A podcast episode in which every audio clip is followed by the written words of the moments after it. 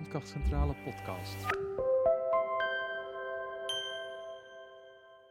In deze eerste podcast van Mandkrachtcentrale praat ik met Jan Geurts. Jan is bestsellerauteur van boeken als Verslaafd aan de Liefde en Verslaafd aan het Denken. Hij is Nederlands bekendste meditatieleraar. Ik ken Jan al een jaar of twintig, maar we hebben elkaar pas echt leren kennen tijdens de boeddhistische drie die wij tegelijk hebben gevolgd. In het smakelijke boek Wijzen naar de Maan doet Jan van dat avontuur herkenbaar verslag. Ik spreek met Jan Geurts over zijn ontwikkeling als man, zijn aangeleerde aversie voor de traditionele dominante mannelijkheid en zijn verslaving aan drugs om verwachtingen en gevoelens te onderdrukken. Ik citeer: Het uitleven van emoties doe je omdat je het gevoel niet wil voelen. Verder reflecteren we op vriendschap, de pijnlijke projectie die verliefdheid is en praten we uitgebreid over seks. Hoe mannen heel naar kunnen worden als er zicht op seks is. Maar ook hoe leuk, bevrijdend en bijzonder het wordt als je niet meer moet klaarkomen. Dan kun je gaan vrijen in de ruimte van het bewustzijn, zoals Jan dat noemt. Natuurlijk zijn er in deze podcast een paar bijzondere meditatieinstructies te vinden van Jan, die je meteen kunt toepassen. Ik wens je veel luisterplezier.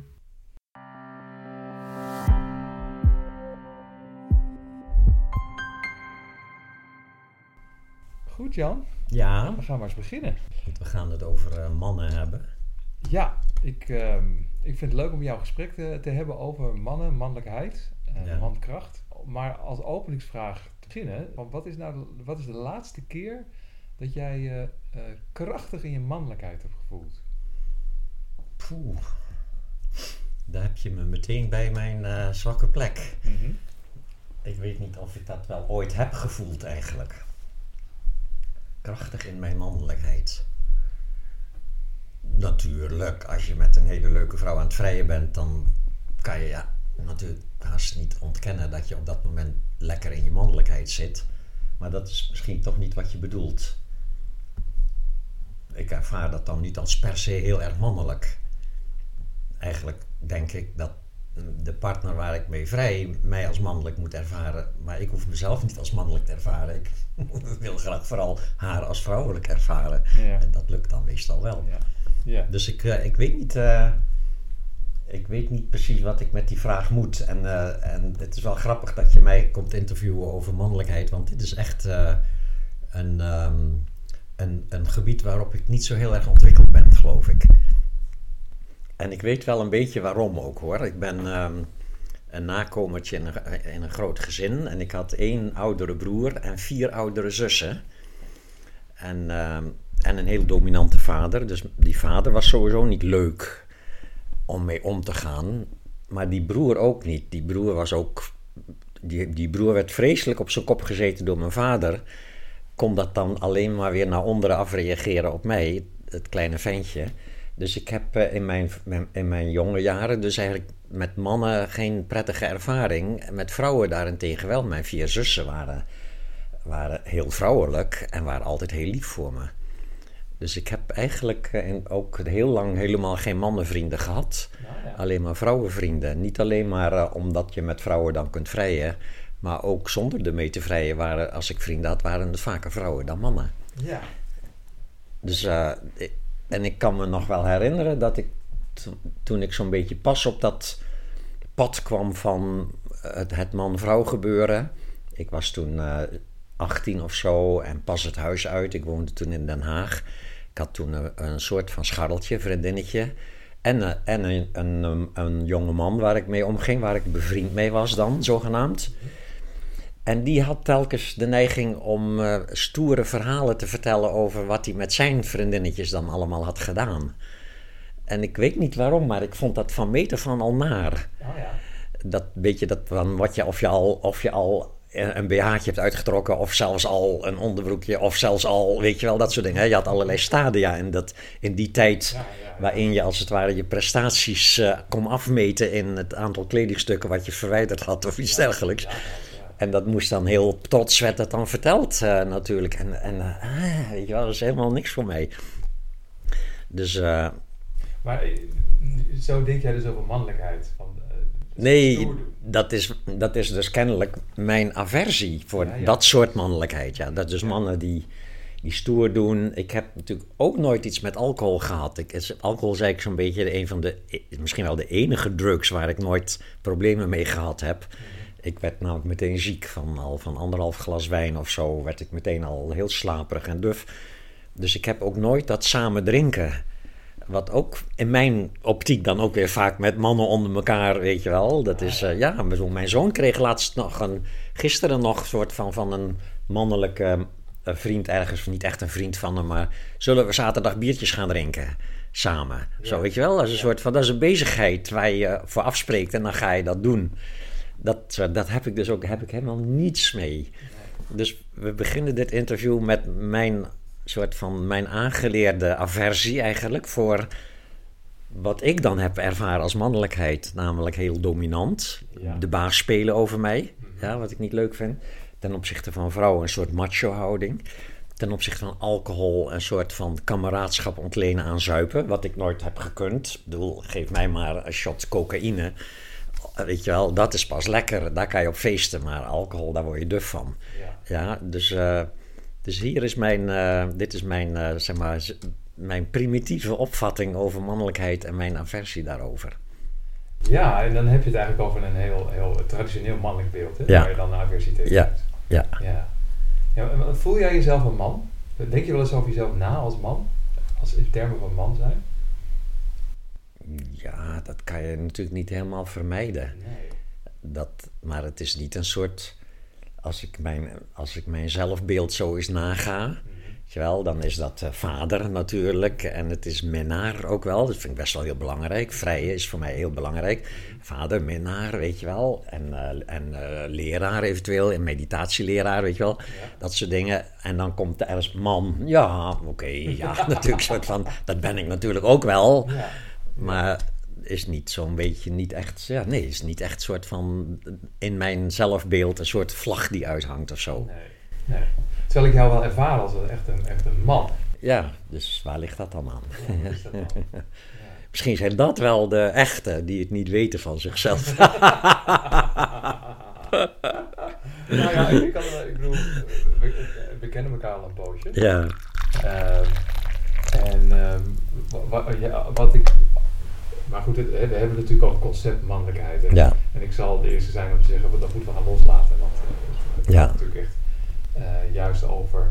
Nou ja, dat vind ik jou wel een voorbeeld van. Van zowel zacht en, en, eh, en hard, of zo Ja. moet je zeggen. Dus Ja. die balans tussen Ja. emotie en, en ratio. ja, daar vind ik jou wel, wel een voorbeeld in, compleet in. Ja, dat is wel, daar is wel aan gewerkt ook. Want als ik Ja. mezelf herinner hoe ik was, zeg maar zo tegen de tijd dat mijn huwelijk strandde. En daarna de periode van eh, drugsverslavingen en zo. Ja.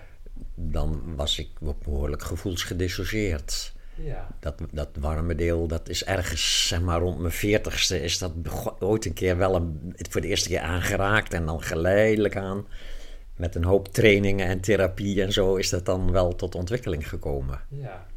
En natuurlijk door spirituele oefening, dat helpt ook wel. ja, hoe helpt dat?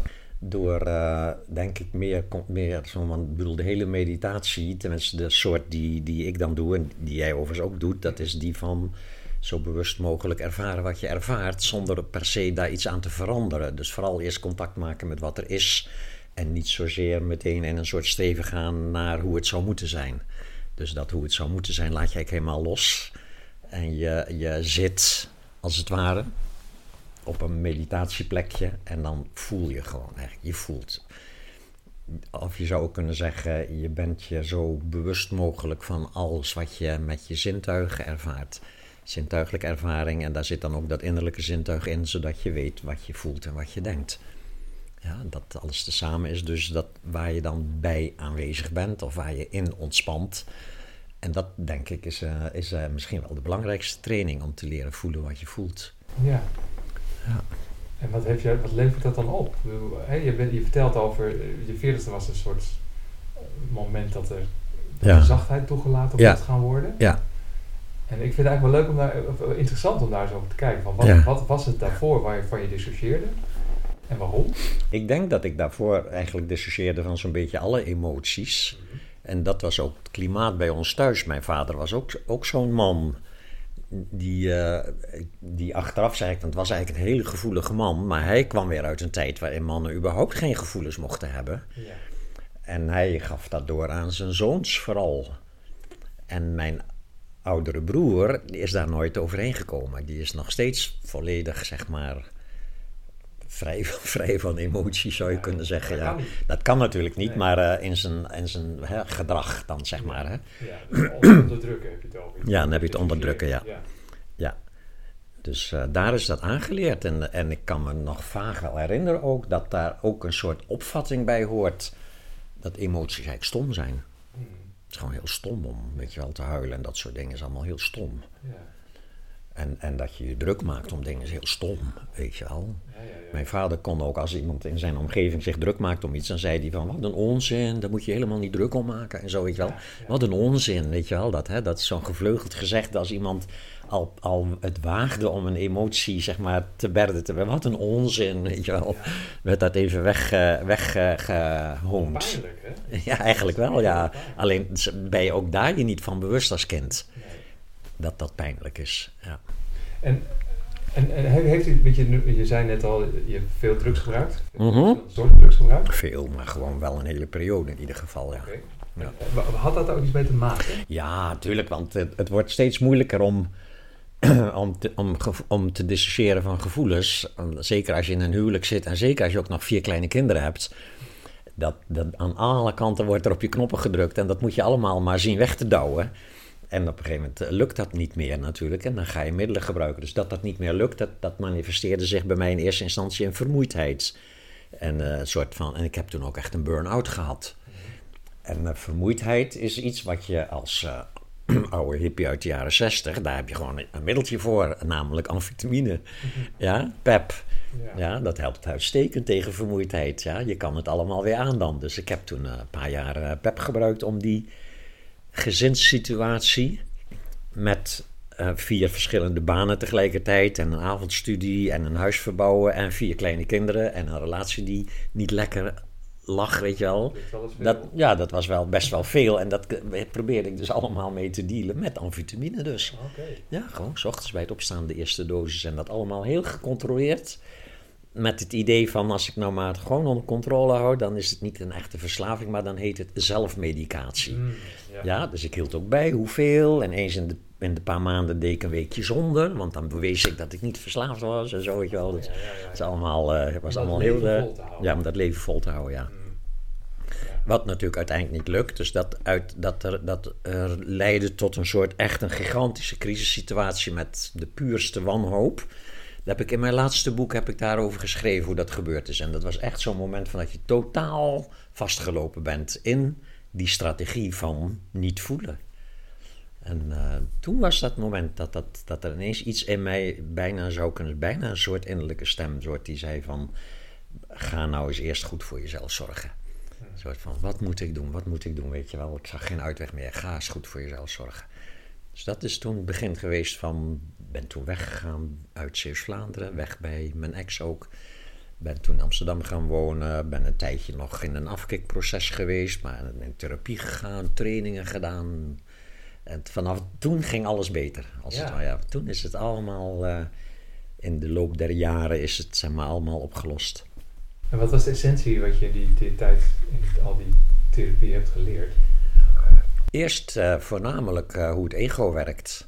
Ja. Dat was in de Essence training in Amsterdam. Bestaan nog steeds, geloof ik. Maar er zijn een beetje, aan, een beetje in de vergetelheid Daar hebben wij geraakt. elkaar ontmoet, hè? Ja, oh, dat was daar. Ja, dat is Oké, ja, ja, wat grappig, ja. Ja. Ik ken hem al zo lang. Ja, zo lang. Ja, en eh, dus dat is eigenlijk een, een, een, een, een, een, een training die jou helpt om zeg maar de, de contraproductieve delen van je ego, om die zeg maar door training te veranderen in zeg maar meer, meer gezonde patronen, zoals bijvoorbeeld mijn nice guy patroon, hè, wat dus een patroon van conflictvermijding is. Eh, altijd gewoon mensen te vriend willen houden, nooit echt voor je eigen mening uit durven komen, weet je wel. Altijd eh, van zeg jij maar wat we gaan doen, weet je wel. Ik vind alles best en dat soort dingen. Hè. Dat eh, geleidelijk aan met veel training verandert in wat meer assertiviteit. Hè, dat je een keer ook wel een grens durft aan te geven en een keer durft te zeggen wat jij leuk vindt en dat soort dingen. Dus Dat was zeg maar het trainingscircuit. Heb ik een jaar of vijf gedaan, denk ik. En toen kwam ik uh, in aanraking met Tibetaans boeddhisme. Dus vandaar kwam meer dat, dat pure voelen, puur bewustzijn als het ware van je gevoelens aan de orde. En uh, dat is zeg maar, de rest van mijn, uh, mijn trainingsloopbaan. Ja. ja. Dat gaat nog steeds door. En wat is de essentie daarvan? Dat wat we het net even over hadden, hè? dat van dat heel bewust ervaren wat je ervaart zonder te streven naar iets anders. Bedoel, het ego streeft naar verbetering. Dat mag ook, is niet verkeerd. Maar het, het verliest, het levert soms beknelling op. Het ego moet alsmaar verbeteren.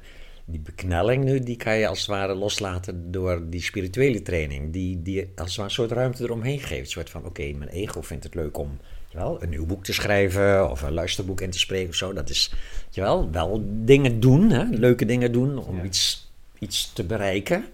En tegelijkertijd kijkt dan dat bewustzijn wat zichzelf heeft herkend als soort van de, de belichamer van dat ego. Dat blijft dan als het ware kijken zeggen, oh wat leuk, Jan is weer een boek aan het schrijven. Ja. Ja. ja en dan hangt er minder van af. Ja, je, je, je, doet het omdat je het leuk vindt, maar dat hele idee dat het bijvoorbeeld een succesvol boek zou moeten zijn om je goed te voelen, dat, dat verdwijnt er dan uit. Dat, uh, dat is heerlijk. Ja, ja. Hey, en, en als we eens even teruggaan naar, naar die, dat voelen en uh, emoties. Hè? Ja. Want op het spirituele pad uh, ga je dus heel veel voelen. Uh, maar ik, ik, herinner me, een van mijn principes uit het Tibetaans boeddhisme komt er Ja? ook iets van neither indulge nor ignore. In, in het Nederlands niet, niet onderdrukken, maar ook niet groter maken Ja. van emoties. Hè? Het is heel puur, heel rauw voelen van, van eh, Ja, de pure, de pure, het pure rauwe gevoel gewoon voelen. ja, Ja, zonder te veel geloven in het verhaal wat je erbij denkt. en ze ook niet uitleven. Ja, ja maar het uitleven van, e- van emoties, dat doe je omdat je ze niet wil voelen. Dus dat is het idee, denk ik, eh, achter zeg maar, het hele Dzogchen-idee van voelen zonder, zonder iets eraan te veranderen. Wat je dan ook ziet is bijvoorbeeld, stel dat je je eenzaam voelt of je bent gefrustreerd omdat iemand niet doet wat jij eigenlijk graag zou willen, wat hij zou doen. Ja? Doorgaans, als we zo'n gevoel hebben, dan hebben we niet alleen dat gevoel, maar we hebben ook een aversie voor dat gevoel. We willen dat niet voelen. En we stellen de ander die dat gevoel getriggerd heeft ervoor verantwoordelijk. Dus die moet, daar, die moet dan er daarmee ophouden om mij weer zeg maar, tot rust te laten komen. Dus dat is, zeg maar, dat is wat boeddhisten samsara noemen. Dat levert een soort vicieuze cirkel van het lijden op. Want die ander gaat daar niet mee ophouden om jou een plezier te doen. Die gaat alleen mee ophouden als hij dat zelf leuker vindt. Dus Ja. ego is dat, egocentrisch is dat. Hè? Het ego denkt altijd dat het makkelijker is om een ander te veranderen dan om jezelf Juist, ja, ja, ja, dat heb je mooi gezegd. Ja, ja. Dus, eh, dus zodra je dus dat gaat doorkrijgen, dan zie je dat, dat niet de emotie zelf, zoals eenzaamheid of frustratie of jaloezie, het probleem is, maar het niet willen voelen ervan. Het, het soort van, het, het natuurlijk, en het de ander ervoor verantwoordelijk stellen, dat ook, maar ook het feit dat je een soort aversie hebt voor dat gevoel. Het niet wil voelen, je wil het veranderen in een prettig gevoel. Zodra je een gevoel wil veranderen in een ander gevoel, word je als het ware dat gevoel. Dus meestal als mensen bijvoorbeeld zich eenzaam voelen, dan hebben ze doorgaans niet het bewustzijn, oh, wat heb ik nu, het gevoel eenzaamheid. Nee, dan ben je eenzaam. Ja? Dus, dus dat bewustzijn identificeert zich met het gevoel door het niet te willen voelen. Met de, met de nare gevoelens. Het identificeert zich met de prettige gevoelens door het te willen vasthouden. Ja, dat ken je wel, hè? Dat twee kanten van dezelfde identificatie, als het ware. Wegdouwen wat, je, wat naar is, vasthouden wat leuk is. En, en dat creëert identificatie met je gevoelens. Dus als je een fijn gevoel hebt, bijvoorbeeld je krijgt een leuk compliment of een promotie, dan zal het ego onmiddellijk daaraan verbinden: ik ben dus waardevol. Ja. Ja, ontleent daar eigenwaarde aan. Zodra de promotie jou voorbij gaat en een ander krijgt hem en je bent jaloers, dan ontleent het ego daaraan: ik ben dus kennelijk niet goed genoeg. Dus dat is altijd een soort self-assessment, een soort zelfevaluatie, die, die we koppelen aan emoties. Dat maakt dus dat we de emotie zijn. Ja? Dus, dus het gevoel dat je niet goed genoeg bent, dat is heel normaal. Als je had gehoopt op een promotie en je buurman krijgt hem die maar half zo goed presteert als jou in jouw ogen, dan voel je je gepasseerd en tekort gedaan. Die gevoelens, daar is niks mis mee als je in staat zou zijn om dat ruime bewustzijn wat die gevoelens ervaart, te blijven herkennen in die ervaring. En te zeggen, oké, ik heb nu het gevoel jaloezie, gepasseerdheid. En dat is mijn eigen geest die dat voelt. Ja. Ja, en dan kun je dus in het mogen voelen van dat gevoel, hoef je niet meer te reageren erop. Je kan er nog, je kan daarna wel reageren. Eigenlijk juist veel beter, want, want natuurlijk stellen mensen mij vaak die vraag van, oh, maar dan moet je dus gewoon over je heen laten lopen als er lullige dingen gebeurd worden. Nee, nee, helemaal niet. Je kan zelfs veel beter, ehm, als het ware, de andere persoon laten merken dat dit ongepast was of iets dergelijks, als je eerst de beknelling zelf hebt opgelost. Ja. Dus eerst bij jezelf dat gevoel, als het ware, de-identificeren. Van je hebt het gevoel, je bent het niet. Ik heb het gevoel gepasseerdheid. Dan kun je zeggen, oké, de aanleiding van deze gepasseerdheid is mijn baas die kennelijk onvoldoende informatie over mij heeft of wat dan ook. En dan kan je een gesprek aangaan eventueel. Ja, en soms werkt dat ook niet en dan laat je het er gewoon bij.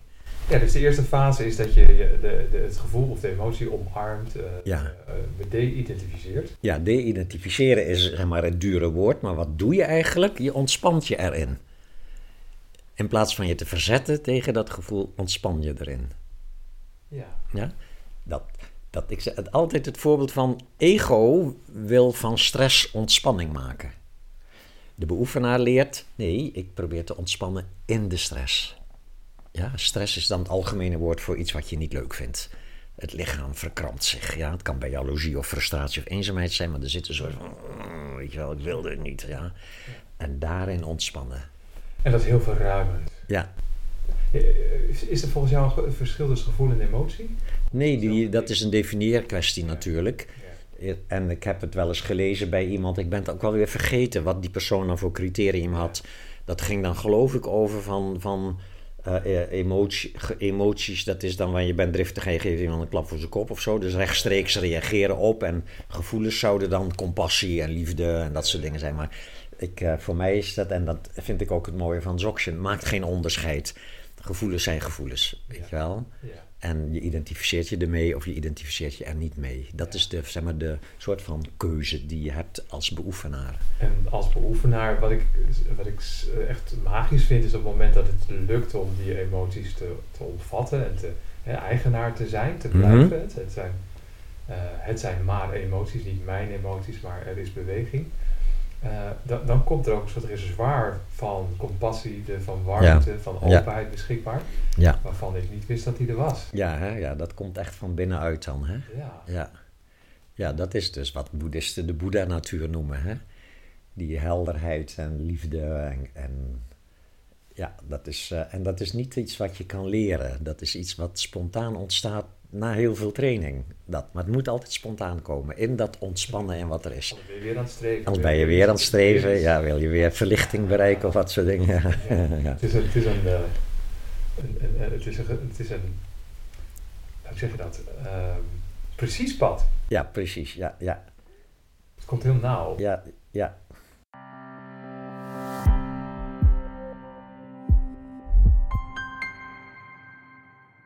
Veel mensen hebben verslavingen, hè, om shoppen Mhm. of koekjes eten of eh, eh, Mhm. ehm, eh, heel veel werken. Of, hè, allerlei- is, is dat altijd hetzelfde functie? Het, het niet voelen, niet willen voelen, niet kunnen? Nou, nee, dat geloof ik niet. Je hebt natuurlijk ook mensen die niet per se spiritueel zijn, maar die gewoon door hun opvoeding wel meer ruimte al hebben gekregen om gevoelens als het ware mee te betrekken in hun, in hun zelfbeeld en in hun eh, manier van omgaan met anderen. Mhm. Dus, dat, eh, dat, dus, dus het, het, het zeg maar, mogen voelen van emoties is niet, eh, dat is niet per se alleen maar voor spirituele beoefenaars. Je hebt gewoon je hebt ego's die makkelijker emoties voelen en toelaten. Ja. Wel natuurlijk met daarbij ook geïdentificeerd zijn met die emoties. Dus je hebt als maar ego's die meer als strategie kiezen het, het dissociëren ervan, het afsplitsen, wegduwen, niet, niet voelen. Mhm. En je hebt ego's die als strategie juist hebben het versmelten met gevoelens. Heel erg zeg maar de gevoelens beleven en van daaruit heel erg zeg maar, de wereld uh, tegemoet gaan en, en, relaties aangaan. Dat is vaak ook zeg maar, traditioneel klassiek, is dat de man-vrouw soort van tegenstelling. Hè? Ja, ja, ja. ja, dat vrouwen beter zijn in hun, in hun emotionaliteit, maar misschien uh, wat minder uh, afstand daar soms van kunnen nemen. En mannen kunnen alleen maar afstand nemen van hun gevoelens en onderdrukken. En zijn niet zo goed in warme, warme verbinding leggen. Dat is het standaardbeeld dan. Hè? standaardbeeld. Ja. ja. En we moeten natuurlijk toe naar een nieuwe vorm van mannelijkheid, wat mij betreft. Hè? Dat, dat, dat uh, waarin dat, nou ja, vanuit klassieke tweeling de man kan voelen en. En de vrouw, wat moet die dan? Initiatief nemen, nou bijvoorbeeld. Ja, goh, ja, daar weet ik niet veel van van vrouwen. ja, ja. Um, ik denk dat, dat dat vrouwen hebben al 30 jaar uh, ontwikkeling achter de rug, ja. Ja, die zijn daar wel beter in, ja. En, en, uh, en, en, en, mannen hebben nog een klein achterstandje daarin op de... Ja, ik heb, in mijn cursus zitten altijd twee keer zoveel vrouwen als mannen. En dan zeggen de mannen nog, hier kom je tenminste nog mannen tegen. Want de andere cursussen zijn haast helemaal geen mannen. Ja, ja zo is het. Ja. ja. ja. Hey, en en um, als we nou nog een laagje dieper gaan in de spirituele beoefening, dan... Uh, ja, eigenlijk zou je kunnen zeggen dat dat mannelijke is ook maar een concept. Ja, het is natuurlijk een concept als je erover nadenkt. Maar ook als je niet nadenkt, dan kan je niet helemaal ontkennen dat er, dat er in, het, in de verschijningsvorm verschil is tussen mannen en vrouwen. Mhm. Je kan natuurlijk op het meest fundamentele niveau is er alleen bewustzijn. Dus bewustzijn zelf is niet mannelijk of vrouwelijk bewustzijn is dat wat alles ervaart. Mannelijkheid ofwel vrouwelijkheid. En wat dan vaak samenhangt met uh, je lichaamsvorm natuurlijk, mannelijk of vrouwelijk. Maar daarnaast ook met je opvoeding. Je hebt dus ook vrouwen met een meer mannelijke energie en mannen met een meer vrouwelijke energie en zo. En in, in homoseksuele paren heb zie je ook vaak dat de, de ene wat meer de mannelijke energie vertegenwoordigt, de ander wat meer de vrouwelijke energie. En die manier, dus het is wel altijd een spel van mannelijke en vrouwelijke energie maar dat is al, zeg maar, in de manifestatie. Dat, dat wat, zich, wat zelf niet manifesteert, maar wat alle manifestaties ervaart, bewustzijn, is natuurlijk vrij van mannelijkheid en vrouwelijkheid. Of je moet, zoals in het Tibetaans boeddhisme, um, gewaar zijn en verschijnselen beschouwen als het mannelijk en het vrouwelijke principe. Ah, ja. ja, en gewaar zijn en verschijnselen zijn niet twee, zijn non-duaal. Ja, zijn niet van elkaar te onderscheiden in die staat van zijn. En dat wordt dan altijd uitgebeeld in het Tibetaanse boeddhisme hè, met Kuntu Zangpo en Kuntu Zangmo. Hè, dus de Boeddha en een vrouwelijke Boeddha in union. Hè, dus in de seksueel. Japjum, hè, ja. ja. Dus daar zou je kunnen zeggen, dat is het eerste niveau van mannelijke en vrouwelijkheid. Van waar, de, waar het bewustzijn zich als het ware splitst. In zijn, de manifestatie van het bewustzijn moet ik zeggen. Want het bewustzijn zelf doet helemaal niks als alleen maar ervaren, maar, en zich manifesteren. Ja. En, uh, maar daar begint denk ik het mannelijke en het vrouwelijke onderscheid. Hè? Het Tibetaans boeddhisme in zichzelf um, vind ik behoorlijk macho. In die tijd dat wij er uh, rondliepen, mm. Jan. Ik vond het altijd bijzonder dat zo'n leraar, uh, die was dan heel taf Mm wij, hadden, nee, wij hadden wel een hele toffe leraar natuurlijk. Hè? Aha, nou ja. En dan ineens, dan zag je ineens zo'n verzachtheid er naar voren komen die er ook was. Mm maar uh, behoorlijk masculin allemaal. Ja. Dus, heb jij dat ook zo ervaren? Ja, jawel, ja. Ja, dat is denk ik een beetje die Tibetaanse cultuur. Hè? En, en het was niet alleen in Tibet natuurlijk. Ik bedoel, overal in de wereld was het toen, was, is, is zeg maar, en dat is pas van de laatste paar 20, 30 jaar of zo, dat dat een beetje aan het verminderen is. Dat mannen een soort dominantie hebben. En in de spiritualiteit was het niet anders. Mhm. De verklaring die ik er wel eens voor gehoord heb, is dat Boeddha's zich manifesteren in een vorm die het meest effectief is. En in al, en al die eeuwen, zeg maar voor de huidige eeuw, was het effectiever om als man te incarneren, omdat meer mensen luisterden naar mannen dan naar vrouwen. Uh, overigens, dan is toch in het Tibetaans boeddhisme zitten wel ook vrouwelijke leraren, ook wel in de, door de eeuwen heen. Ja, ja. Ja. ja. maar zijn gewoon wat minder bekend. En ook wel minder in aantal, dat zeker wel, ja. Ja.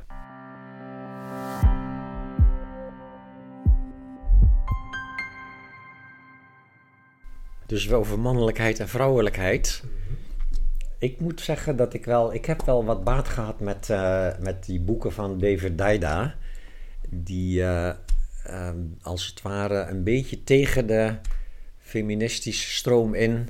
weer de nadruk begon te leggen op mannen moeten gewoon mannelijk kunnen zijn. En, hè, want dat ken je natuurlijk ook wel. Dat er een tijd lang een beetje de soort van mannelijkheid werd dan wel helemaal... Ge, associeert met dat macho gedoe. En dat moest dus echt klaar zijn. Dat mo- mochten ze gewoon niet meer doen, die mannen. Ja. En het schijnt dat, want ik bedoel, verder is dat allemaal buiten mij omgegaan, denk ik. Maar het schijnt dat mannen daardoor wel een beetje, zeg maar, zich hebben aangepast aan Ja. een soort vrouwelijk wensbeeld. Ja. Wat tegelijkertijd niet het echte vrouwelijke wensbeeld is. Want vrouwen willen wel degelijk een echte man, maar dan niet een man die bralt en schreeuwt en dwingt, maar wel een mannelijke man.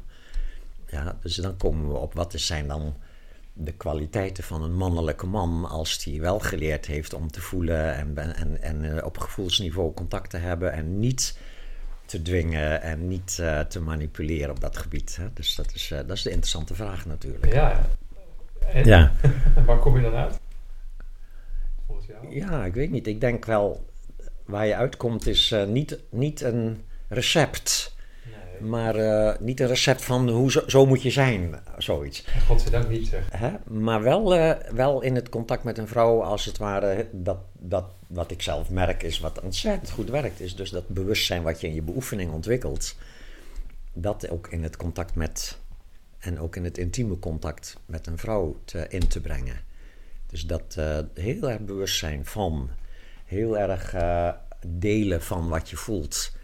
In plaats van ehm, dat je als het ware eh, manipuleert eh, om de ander in bed te krijgen, deel je gewoon dat je het verlangen hebt om met iemand te vrijen. Het is een groot verschil tussen eh, ik wil met jou in bed duiken of ik heb nu een ongelooflijk sterk gevoel van, weet je wel.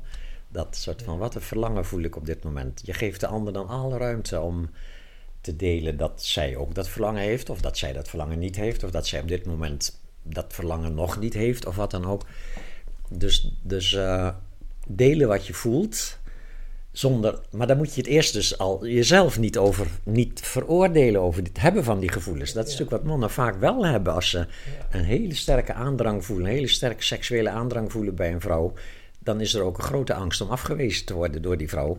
En dan heb je dus al een soort van ehm, spanningsveld tussen uh, jouzelf en je begeerte. Je hebt als het ware bijna last van je begeerte. Ja, je, ervaart je begeerte als een soort pijnlijk iets waar die ander jou van af moet helpen. En uh, oh, godsnaam, help mij van dit nare verlangen af. Als de ander dan ja zegt, dan wordt dat verlangen natuurlijk iets leuks. Want dan weet je dat, het, zeg maar, dat je binnenkort, hè, binnen afzienbare tijd, bevrijd zult worden van, van dat verlangen. Van ja. die beknelling, ja. En dat heet dan orgasme. Hè. Dat, dat moet dan uiteindelijk het grote feest van de bevrijding van de begeerte worden. Dus die hele houding ten opzichte van je begeerte is, er, is dus een ego-houding van. Uh, is riskant. Begeertes zijn buitengewoon riskant, want je kan enorm erop afgewezen worden. En juist op seksualiteit, waar ons zo. Dat is zo'n zo'n diep deel van ons ego, van ons zelfbeeld. Dus daar zit hem ook de enorme winst. Als je minder bang bent om afgewezen te worden, omdat je jezelf niet meer afwijst, omdat je ook je verlangens niet meer afwijst als als pijnlijk, tenzij de ander ze meteen voor haar rekening neemt, weet je wel. Dat, dan, uh, dan kom je zoveel vrijer in, in, zeg maar, in het leggen van een contact. Ja, moet je je zo voorstellen aan de andere kant, stel dat jij die andere, de ontvanger, de vrouw bent. En iemand, een, een man zit er zo op, op, ja. uh, op te duwen, zeg maar. Ja, dat is naar, hè? Veel mannen zouden denken, ik wou dat ze dat bij mij eens deden. Want dat is natuurlijk weer dat mannelijke gemakzucht van ja. ja. een vrouw waar je niet moeilijk voor hoeft te doen. Niet eerst allerlei emoties voor hoeft door te werken, maar gewoon van beep zilver. Ja. ja. Juist, ja. Dat, hè, dat is uh, een beetje dat macho mannenbeeld natuurlijk. En uh, wat een hoop uh, ellende veroorzaakt uiteraard. Dus het is echt toch wel, echt, ik ervaar het echt als veel leuker, als bevrijdender. Maar ook in het contact veel en veel bijzonderder Ja. om op deze manier intiem te zijn. Want, want, want, want hoe gaat het dan? Hè? Want je- zegt dan van ik voel nu het verlangen om met jou te vrijen. Dat zou, hè, als dat, ja, als dat, en zeker de eerste keer, is dat al, be- begin je waarschijnlijk eerst over andere gevoelens. En je deelt eventueel je onzekerheid eh, met elkaar. En daar begint dan al het spel van delen wat er is. En, en, het, en als, het ware ook elkaar helpen om te mogen voelen wat je voelt. Ja, want, want je kan best wel al enige vorderingen hebben geboekt in het vriendelijk zijn voor je eigen emoties. Maar het helpt toch nog steeds ook als een ander ook vriendelijk is voor jouw emoties. Als een ander ook zegt van, oh, dat is heel normaal, oké, helemaal oké. Dat vind ik mooi dat je dat met me deelt en dat soort dingen. Hè? Dus dan kun je als het ware elkaar helpen om vriendelijk te blijven voor je eigen emoties. En dan ontstaat er dus die ruimte waarin eventueel zeg maar, toenadering kan zijn en, dat, en waarin verlangen als het ware ruimte kan krijgen, hè, toegelaten kan worden. En dan, ja, als je eenmaal zover bent dat je weet van elkaar dat je gaat vrijen met elkaar, dan nog is er ook altijd een soort, in elk stadium, ook als je al gewend bent om te vrijen, in elk stadium is er altijd die ruimte om te stoppen. Dat is, dat is ook vaak, denk ik, wat, eh, wat eh, mannen echt moeten leren. En wat voor vrouwen ook vaak, denk ik, een, een probleem is waarom ze zich soms zo ehm, beschermen tegen mannen. Want als je bij veel mannen in een bepaald stadium komt van opwinding, dan kunnen ze niet meer stoppen zonder heel naar te worden. Ja, dan ontstaat er iets van daar heb ik recht op. Ja, precies. Ja. Als eenmaal, weet je wel, de kleren uit zijn bijvoorbeeld, als eenmaal wat, hè, dat soort dingen, dan eh, als eenmaal gezoend is en kleren uit en zo. En als je dan als vrouw zegt van ik geloof dat het toch niet zo goed past op dit moment voor mij, ik wil liever stoppen. Ja, dan heb je dus een probleem.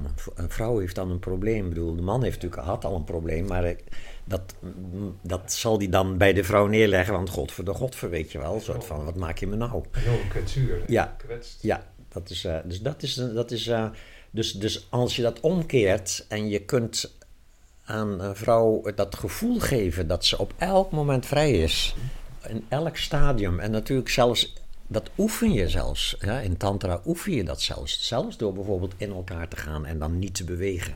Bijvoorbeeld dat gewoon dat stil liggen in elkaar. Dus dat, dat die, weet je wel, dus dat die mannelijke hormonen willen op dat moment alleen maar de wave, weet je wel, gewoon go for it, ja. En dan ontspannen mag, ik mag dit voelen, weet je wel, ontspannen en zo. En dan in, ja, dus in die ruimte van bewustzijn, vrije in de ruimte van bewustzijn, dat is eigenlijk het geheim hier, hè, van... Net zoals mijn tantra leren dat ze, vaak zijn verlangen, maar niet hechten aan het resultaat. Ja, Genieten van het verlangen. ja, genieten van het verlangen, hè, ja. Ja, maar niet...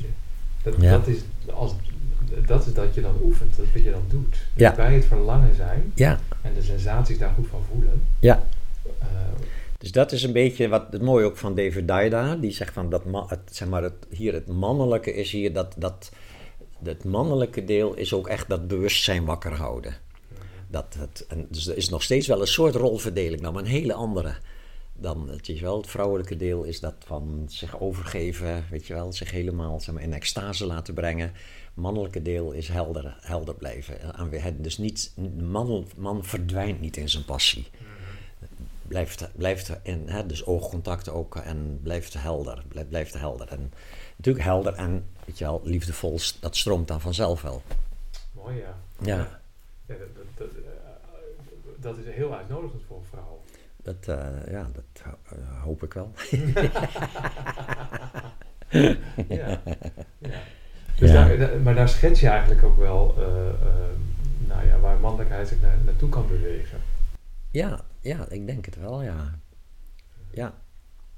Ja, ik heb echt, ik doe nou een jaar of 10, 15 tantra en dat is, ik vind het het, meest, het mooiste. Natuurlijk, Dzogchen is de essentie van het hele spirituele pad, maar tantra is, je moet ook wat doen met je leven. Je kan niet alleen maar op een bergtop zitten mediteren.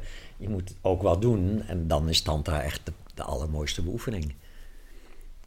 Die, ik bedoel, wat drukt het meest op je knoppen? Dat is ook, weet je wel, de man-vrouw eh, en daar zit hem dus ook de meeste winst, als het ware, in spirituele groei. Mhm. Ja.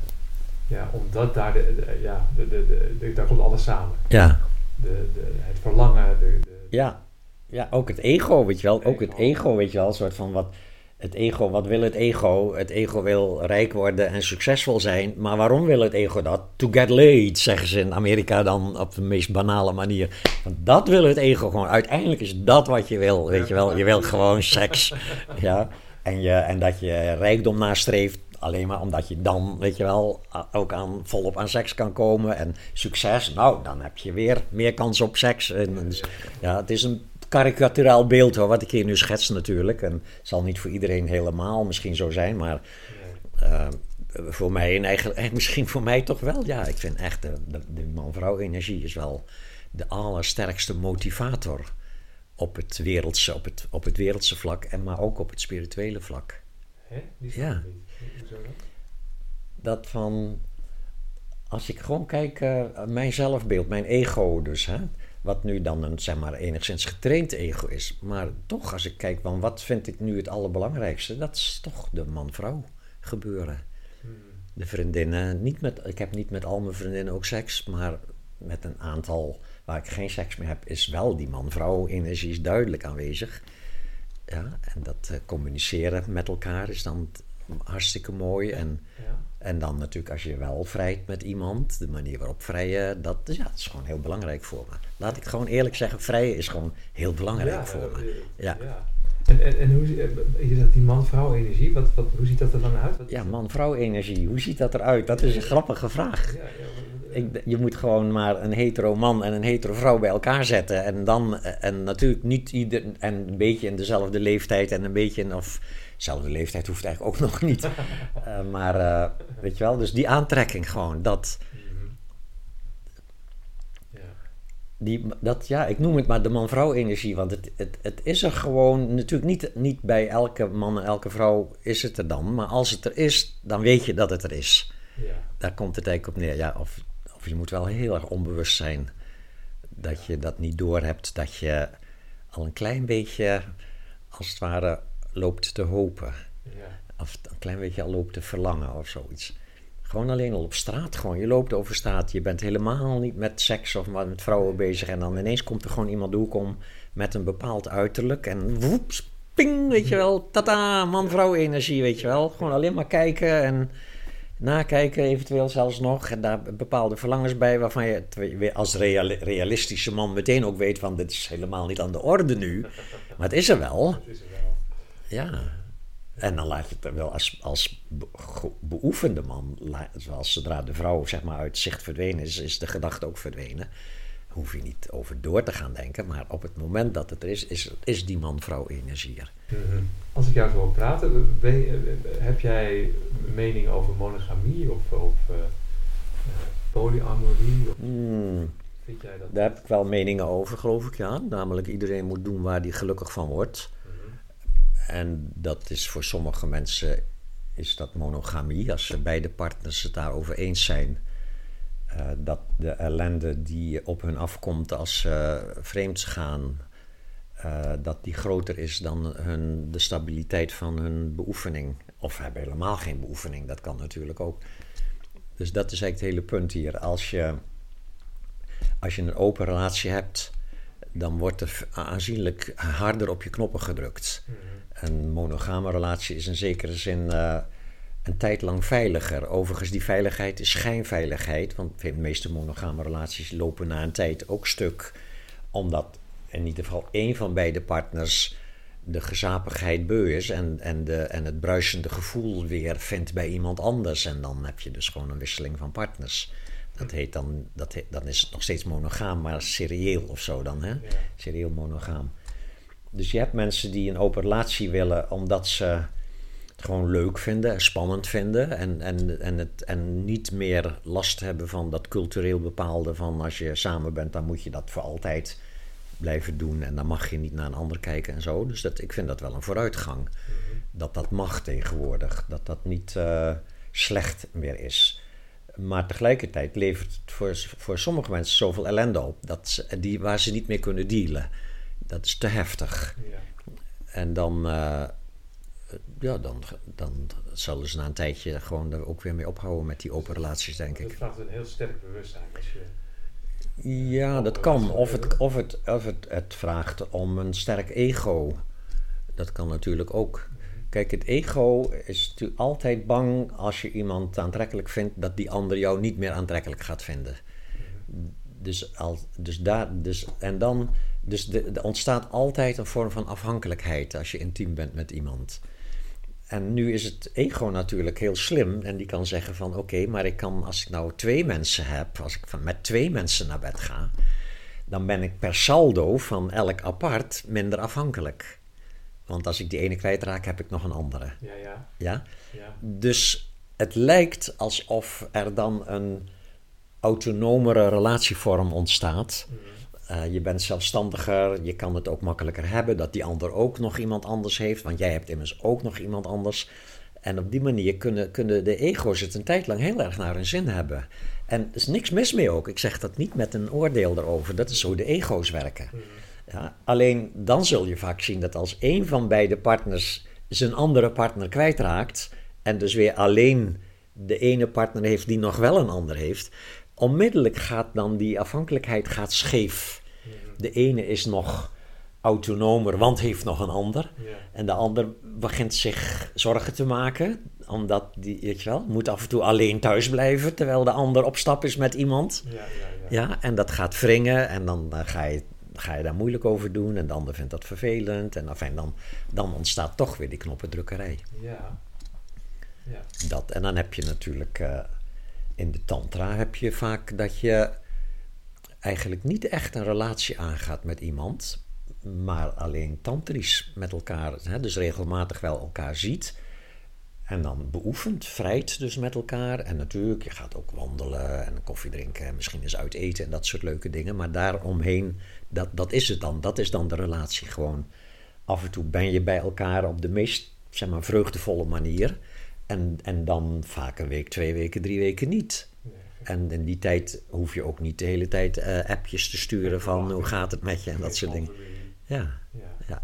dat soort dingen, ja. En, en waarom is dat goed? Een voordeel? Of, eh? Nou, dat, eh, dat is heel, heel prettig sowieso, Ja. omdat je dan een hoop narigheid van relaties niet hebt, maar de vreugde wel. ja, ja. Wat niet gezegd is dat, dat andere, dat het heeft, voor mij ma- maakt het uit, als ik echt verliefd word op iemand, dan gaat dat ego helemaal in die stand van één op één. Als ik echt verliefd ben op iemand, dan kan ik niet ook nog met andere vrouwen vrijen. Hmm. dat op een of andere manier past dat dan niet. Want als je dan met, met de vriendin, de gewone vriendin aan het vrijen bent, dan denk je aan die andere vriendin waar je verliefd op bent. Dat is niet, niet prettig. Nee. Dat is, dus, dus dan, en wat het is omdat verliefdheid is een soort obsessie. Ja. Is toch een soort blikvernauwing. Je kan de hele dag door bijna alleen maar aan die ene denken waar je dan verliefd op bent. En je kan het wel bestrijden, maar ja, ik, ik weet niet of er beoefenaars zijn die dan dat gewoon uit kunnen zetten. Het lijkt mij niet eens gezond.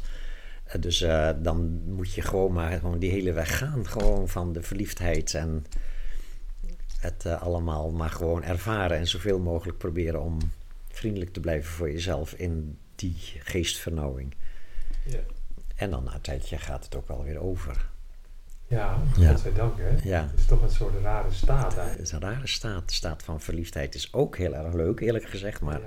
het wordt, het is, het, hoe leuker het is, hoe pijnlijker het is ook. Het is altijd navenant. Ja. Ja, de pijnlijkheid eh, gaat evenredig met de leukheid. Dat, is eigenlijk gewoon in dat opzicht is het een soort verslaving, denk ik. Een soort echt een typische ego, een soort mentale ego-verslaving. Die ene persoon die soort, zo'n beetje soort van jouw hele ego als ware kan laten oplossen in een soort staat van liefde. Het lijkt op spiritueel soort van oplossen, maar het is natuurlijk heel erg gebonden aan die ene persoon. Aan die voorwaarden dat die ander jou wel net zo leuk vindt als jij ha- haar of hem. En dan, ja. En dat is een projectie van, van al jouw verlangens Ja. en hoop dat je... Ja, dat de ander dat inderdaad dat een beetje kan dragen, die projecties. Ja. En andersom ook. En, eh, Nou ja, dat is dan ook vaak het moment dat de verliefdheid ineens uh, de, doorbroken wordt. ja, Dan is oh, is net, oh, helaas. ja, ja.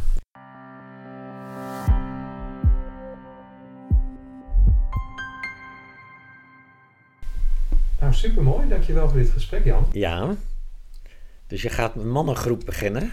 Ja, ik... eh, Want eerlijk gezegd, eh, dat, eh, ik ben dus echt gewoon best wel heel thuis in de omgang met vrouwen. mhm. maar de omgang met mannen dus nauwelijks. En ik heb wel, Nog steeds. dus. ik heb wel, ja, nog steeds. Ik heb, ik heb een paar, hè. De, jij bent een mannenvriend, zeg maar. Wij spreken elkaar dan ook misschien één of twee keer per jaar of zo, hè. Dan zijn we altijd meteen helemaal open voor elkaar. Ja, En zo heb ik er nog eh, twee of zo. ja. Maar dat is, eh, dat is dan vooral, dat zijn allemaal ook spirituele mannen, weet Ja. je wel. En dan, en dan eh, soms zie ik die dan een jaar niet. En dan zie je elkaar weer. En dus meteen delen is weer alles open, weet je. Alles wordt dan gedeeld, weet je. Dat is heerlijk gewoon, heel prettig. ja.